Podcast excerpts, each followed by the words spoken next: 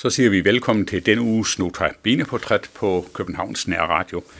I teknikken sidder Jan Nørgaard, og ved siden af mig har jeg Michael Thomsen siden. Han skal holde Nota Bene-andagter for os her den kommende uge. Velkommen til dig, Michael. Tak skal du have, Viggo. Og øh, så sidder jeg her, og jeg hedder så Viggo. Vi skal begynde øh, ugens Nota Bene-portræt med at høre Elisabeth Søndergaard synge sangen Høre din stemme. Det var så vel, øh, sangen Hør din stemme med Elisabeth Søndergaard. Som nævnt, så har jeg Michael Thomsen siddende her ved siden af mig. Og det, han sidder her, fordi han skal lave notabene andagter for os. Og jeg vil naturligvis begynde med, Michael, og sige tak, fordi du vil lave notabene andagter for os. Jo, tak for det, jeg får lov. Det er vi øh, rigtig glade for os. Michael, kan du ikke lige til at begynde med at sige et par ord bare om dig selv. Nu er det lidt til siden, du har været her sidst, så Ja, sig lige... men øh, jeg er stadigvæk sovnepræst. Og, I- og hvorhen- stadigvæk hvorhen- i, hvorhen- hvorhen? Stadigvæk i Skæving og Lille Lyngby. Ja, Der har jeg faktisk været i 28 år. hold da op. Ja, det er blevet til nogle dage. Det, det er det. Så Øh, er det dit første embede også? Ja, Ja. det er det. Bliver det også det sidste? Som verden ser ud i dag, gør det. Ja. Øh, jeg har ingen aktuelle planer om at skulle noget andet. Nej. Det, det har jeg ikke. Øhm, jeg trives i det, øhm, og jeg håber også, at min søn trives med mig i det. Ja, og så, så har du formodentlig også en kone. Jeg har en kone, Og nogle børn. og så har jeg to voksne sønner, og en svigerdatter og tre børnebørn.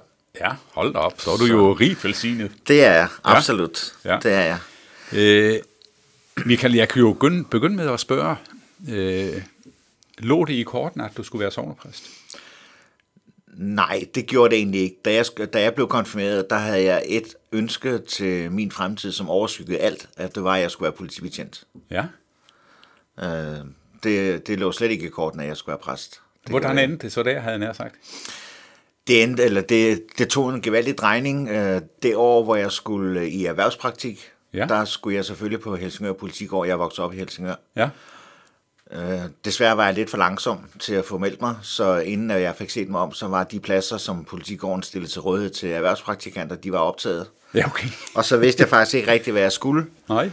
Min klasselærer på det tidspunkt, øhm, så han kom så og spurgte, om ikke jeg kunne have lyst til at komme op til vores præst, som havde konfirmeret os. Ja.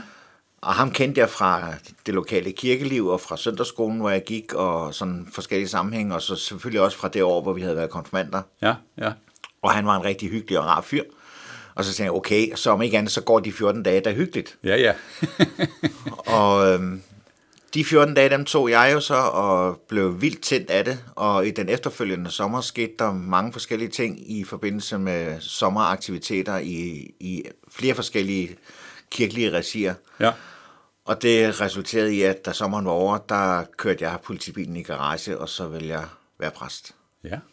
Og så har du og læst det ind på, gik jeg efter lige siden. Ja. Så. så du har læst på Københavns Universitet, Ja, formodentlig. det har jeg. Det jo før DBI blev til, eller nej? Nej, det var det ikke. Nej. Øhm, jeg havde nogle år der i min ungdom, og også ind i min studietid, hvor øhm, jeg var en lille smule træt af, af osteklokken. Ja. Øh, og så havde jeg en teori om, og den kan man jo altid diskutere. I dag vil jeg nok have valgt anderledes, men man er ikke 25 år med en 57-årig livserfaring. Nej, det har man altså ikke. Øhm, fordi jeg havde en teori om, at hvis ikke at jeg kunne øh, stå distancen øh, ude i, uden for Osterklokken, Ja. så var det bedre, at, øh, at jeg indså det, mens jeg læste, end når jeg en dag sad i en præstegård Ja, og ligesom var solgt. Ja. Øh, I dag vil jeg helt klart gøre tingene anderledes. Mm. Øh, det vil jeg. Men øh, det, det blev så den måde, jeg kom igennem det på. Jeg, jeg kom så en lille smule på DBI, øh, kvæg at jeg havde nogle studiekammerater, som også kom derover. Og dengang kunne man slet ikke læse nær så meget på DBI, som Nej, man kan i dag. Nej, nej. Og øh, man kunne heller ikke tage bacheloren på, på DBI. Man Nej. var nødt til at gå på universitetet og så tage supplerende undervisning på, på DBI Ja, og præcis. have det sociale fællesskab. Ja. Og på den konto kom jeg øh, lidt over på DBI. Ja. Øh, Jeg havde til gengæld et rigtig godt øh, kirkeligt ståsted øh, hjemme, Mhm. mm. øh, og uden det havde jeg ikke klaret distancen. Nej. Altså, der, så ville øh, universitetet simpelthen været for hård en nød og knæk. Altså. Mm. Mm. Øh, fordi der handlede det overhovedet ikke om at øh, opbygge folk i troen. Det var en videnskab, altså vi kunne lige om vi studerede Bibelen, eller vi studerede en, hver anden bog. Altså det var sådan set lige meget, det var en bog, vi skulle begrave os i og færdig arbejde. Ja. Og hvordan den så påvirkede vores tro eller ikke, det var der ikke nogen, der havde øje for overhovedet. Nej, nej. Men Så- det havde de så heldigvis i det netværk, jeg havde derhjemme og, Ja. og i min fritid. Ja. Så øh, Det er noget med, at du har været formand for øh, Danmarks Folkekirkelige Søndagsskole, er det ikke rigtigt? det er jeg stadigvæk. Det er du stadigvæk. Ja. Øh, kan du sige et par ord om, hvad er Danmarks Kirkelige Fol- øh, Søndagsskoler for noget? Det er jo, øh, øh, altså vi er, øh, vi er en selvstændig organisation, men vi er samtidig også øh, børnearbejde inden for intermission. Ja. Og øh, på den, øh, med, med det udgangspunkt, der driver vi børneklubber og juniorklubber og sommerlejre og gospel kids og mange forskellige aktiviteter for Messi Church og også ind under os for eksempel. Okay. For børn øh, op til og med de der 10-11 år eller sådan der Ja. omkring. Når de, når de sådan bliver rigtig juniorer, så, så, så bliver der noget andet tilbud til dem. Ja. Øhm, og det gør vi jo ud over hele landet, mm. øh, med udgangspunkt i både missionshuse, men også øh, mere og mere, øh, og, og i hvert fald i Københavnsområdet, med udgangspunkt i lokale folkekirker, Ja. hvor vi øh, tilbyder øh, og, og uddanne og lede og vejlede voksne til at fortælle børn om Jesus. Ja. Og det gør vi ved forskellige kurser. Øh, Vi gør det ved at stille noget arbejdskraft til rådighed, for eksempel i en opstartsfase. Ja. Vi gør det ved at øh, udgive ledermaterialer Okay. øh, af forskellige slags, mm. både i gammeldags bøger Ja, ja. og på online, som man kan hente. Og sådan så, at, at det er til, til at overkomme for en, for en lægemand at være klubleder et eller andet sted, og så samtidig forberede en klubaften for børnene, som både indeholder øh, sjov og og aktivitet, men også en god øh, fortælling om Jesus. Ja.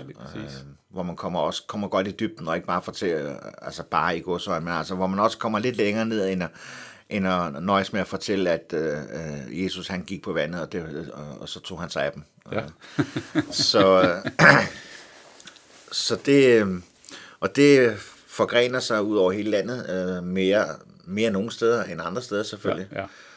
Øhm, og vi har selvfølgelig også vores udfordringer som organisation i, mm.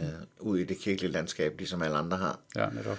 Vi har også øh, udfordringerne i, at øh, man organiserer sig ikke på samme måde mere i dag, som man gjorde for 25 år siden. Nej. Og det er ikke kun os, der, der lider under faldende medlemstal. Øh, det gør næsten alle kirkelige organisationer. Jamen, det tror jeg, Eller i. organisationsarbejde i det hele taget. Ja, ja.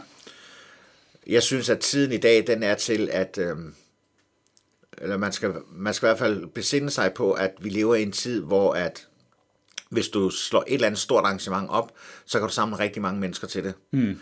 Men hvis du slår et stort arrangement op, der nu skal køre de næste to år for eksempel, mm. så kan du ikke samle særlig mange mennesker til det. Nej. Det er Vi lidt, lever i en tid, hvor, og jeg oplever det i min egen sovn også med idrætsforeningen og, og alle mulige andre, at øh, det der med at tage det store lange slæv øh, for at gøre noget for andre sådan igennem længere tid, ja. det kniver gevaldigt at finde medarbejdere selv. Jamen, det er du ret i.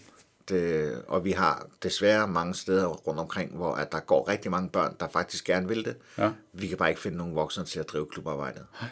Nej, det er jo Og det er ærgerligt. ærgerligt. Ja, det er virkelig ærgerligt. Det er det. Så har vi selvfølgelig også tyndt befolkede områder, som øh, øh, hvor der faktisk også er, eller hvor der, hvor der faktisk går nogle voksne, der gerne vil, men der er bare ikke børn nok til at danne grundlag for det. Ja. Fordi familierne flytter til de større byer. Ja, men lige præcis. Lige præcis. Så, øh, så der er mange udfordringer, men der er godt nok også mange gode og dejlige oplevelser i det. Ja, Det og er- glæder. Ja. ja. Det er der. Jamen Michael, øh, jeg vil sige endnu en gang sige tak, fordi du laver notabene for os her den kommende uge. Og så vil jeg gerne her fra Københavns Nærradio ønske dig Guds velsignelse over dit øh, præste arbejde. Jo tak, og i lige måde. Jo, tak skal du have. Og så vil vi øh, slutte her med at høre Elisabeth øh, Søndergaard synge sangen Dit ord.